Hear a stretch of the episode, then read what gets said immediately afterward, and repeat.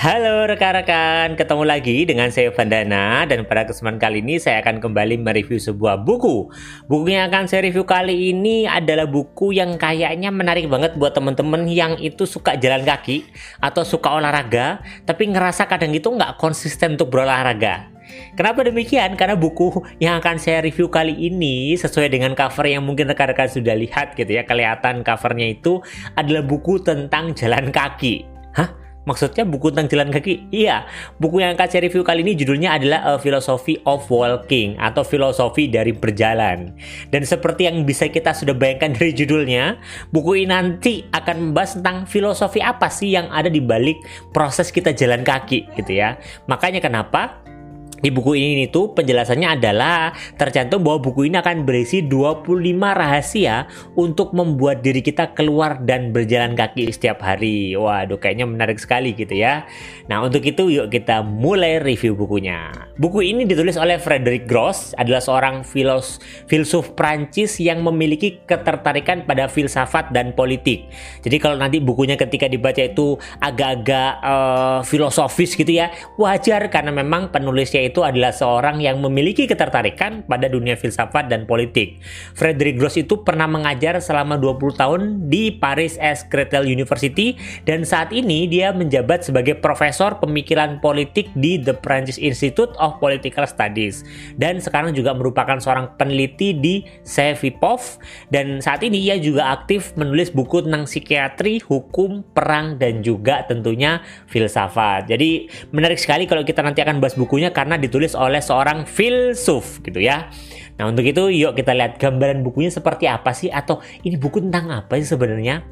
Seperti yang mungkin tadi sudah sempat saya jelaskan dan singgung-singgung dikit gitu ya di bagian awal buku ini, buku ini adalah buku tentang jalan kaki. Simpel memang, ya memang benar ini buku tentang jalan kaki yang selama ini orang menganggap itu sebagai salah satu jenis olahraga. Yang ternyata kalau kita menyimak-nyimak gitu ya dalam bukunya itu, ya ternyata jalan kaki itu tidak sekedar olahraga yang menyehatkan fisik, melainkan juga menyehatkan jiwa kita, menyehatkan pikiran kita. Dan melalui buku ini juga kita akan mendapatkan gambaran tentang Kenapa sih banyak penulis-penulis keren, tokoh-tokoh terkemuka di dunia, tokoh-tokoh yang sangat produktif di bidangnya masing-masing, ternyata kalau kita ulik-ulik dalamnya adalah seorang pejalan kaki yang tak kenal lelah. Nanti akan dijelaskan di buku ini. Dan masih di buku ini juga kita juga akan mendapatkan banyak insight baru tentang berbagai manfaat berjalan kaki yang selama ini nggak kita sadari. Karena jujur kalau saya juga sempat membaca buku ini gitu ya, saya tuh menemukan banyak fakta-fakta yang nggak saya sadari, tapi ya bagus, positif gitu. Karena semua ini menyadarkan kita tentang pentingnya berjalan kaki yang merupakan salah satu pendekatan untuk manusia bisa menikmati hari. Gitu rekan-rekan. Dan di buku ini juga akan tersaji kisah-kisah tokoh terkenal seperti Frederick Nietzsche, Arthur Rimbaud, Gerard de Nerval, Mahatma Gandhi yang mungkin kita juga sudah kenal, Henry David Thoreau dan juga masih banyak lain tokoh-tokoh lain yang diulas gitu ya di perbabnya, masing-masing tokoh ini dibahas ulas perbabnya yang tentunya kaitannya dengan jalan kaki dan filosofinya. Dan di buku ini juga dibahas memang karena dengan berjalan kaki mereka bisa menghasilkan banyak karya ternyata. Jadi mereka bisa produktif soalnya juga karena berjalan kaki. Yang ternyata Kenapa bisa seperti itu? Karena ternyata proses berjalan kaki ini membuat mereka bisa lebih mendapatkan pemaknaan tentang kehidupan di sekitar mereka.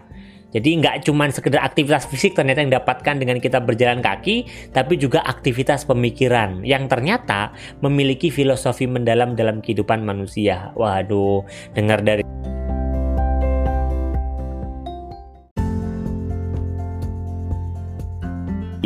buku tentang apa jadi tertarik gitu ya seperti apa. Yuk kita simak bukunya. Secara umum kalau buku ini diulik-ulik dan dibuka gitu ya, akan ada 25 kisah. Makanya di awal tadi itu adalah 25 rahasia gitu ya. Dan di masing-masing judul gitu ya 25 judul dan juga 25 kisah ini masing-masing memberikan gambaran tentang bagaimana sebuah proses berjalan kaki yang tampaknya sederhana bisa berdampak banyak terhadap kesuksesan, kebahagiaan, kreativitas, dan juga keceriaan dalam kehidupan kita sebagai manusia. Tapi saya akan rangkum tiga cerita menarik gitu yang menurut saya juga menggambarkan uh, buku ini gitu ya. Yang pertama adalah tentang di bagian ketujuh akan dibahas tentang kesendirian, di bagian ke-14 akan dibahas tentang regenerasi dan juga kehadiran dan di bagian ke-23 akan dibahas tentang elemental. Nah, saat lagi saya akan bahas masing-masing bagian itu seperti apa gambarannya ya. Di bagian ketujuh akan dibahas tentang kesendirian dari judulnya aja saya juga awal ketika melihat buku ini gitu ya dan melihat judul kesendirian penasaran apa hubungannya kesendirian dihubungkan dengan berjalan gitu ya. Dan di bagian ini menjelaskan tentang proses jalan kaki. Jadi kalau kita proses jalan kaki itu ternyata kita harus menemukan irama dasar kita sendiri biar kita nggak gampang capek. Jadi setiap orang itu punya pola irama dasarnya yang bisa dia temukan dan kalau sudah ditemukan dia nggak gampang capek padahal sudah berjalan cukup lama. Nah jadi ini penting menemukan irama itu biar kita nggak mudah capek dan untuk bisa menemukannya maka kita butuh untuk berjalan sendiri. Nah, kesendirian juga penting agar kita bisa menyatu dengan lingkungan dan alam. Dengan melakukan sinkronisasi dengan alam saat berjalan, kita akan menemukan ketenangan dalam kehidupan kita. Coba kalau misalkan sambil contoh dari contoh ini adalah mungkin kalau kita berjalan gitu ya. Coba kita menikmati jalan, kita relek aja dengan lingkungan kita. Sendiri, kita menikmati proses ketika kaki melangkah demi melangkah. Nah, kalau di buku ini dibahas bahwa ternyata dengan latihan berjalan sendiri itu, maka itu membantu kita untuk bisa menyatu dengan alam. Kita akan merasa merasakan hembusan angin mungkin yang datang kepada diri kita, kita bisa akan menemukan suara-suara hewan seperti burung yang ada di pohon dan itu membuat membantu kita untuk menemukan sinkronisasi dengan alam sehingga akhirnya ya kita dapat ketenangan. Makanya banyak orang yang tuh lagi nggak tenang nih, ya udah jalan-jalan aja. Bisa jadi itu akan membantu dia untuk tenang. Itu yang dibahas di bagian ketujuh. Nah, setelah itu saya akan juga, juga bahas di bagian ke-14 tentang regenerasi dan juga kehadiran. Di bagian ini memang agak-agak lebih berat dan filosofis gitu ya. Kan di bagian ini singkatnya adalah akan membahas tentang utopia sebuah kelahiran kembali melalui proses berjalan kaki. Jadi keyakinan bahwa kita bisa berjalan, kita bisa lahir kembali gitu ke dunia gitu ya. Kita akan fresh kembali dengan berjalan kaki.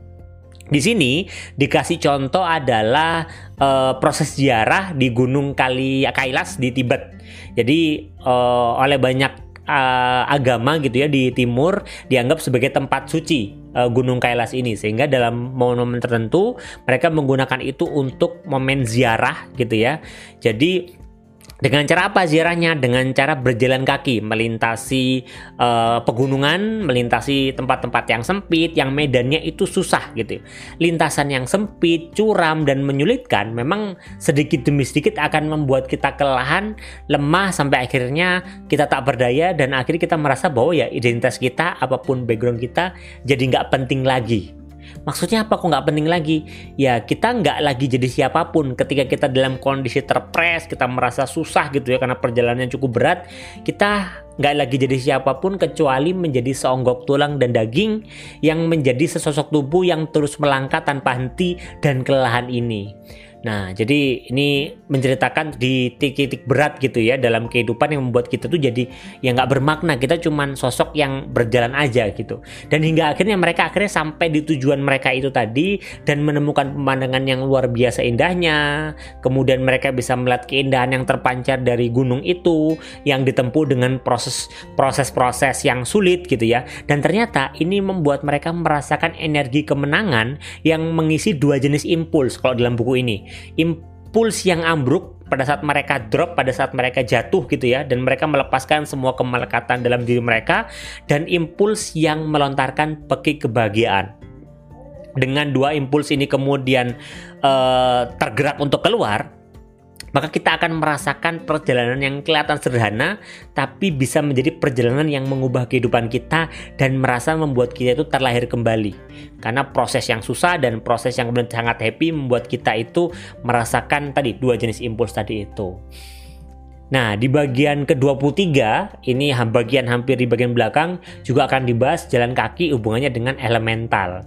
Elemental itu apa sih? Di bagian ini akan membahas proses jalan akan saat akan kita berjalan gitu ya. Atau kita berangkat untuk berjalan kaki misalkan selama beberapa hari ya nggak cuma satu hari.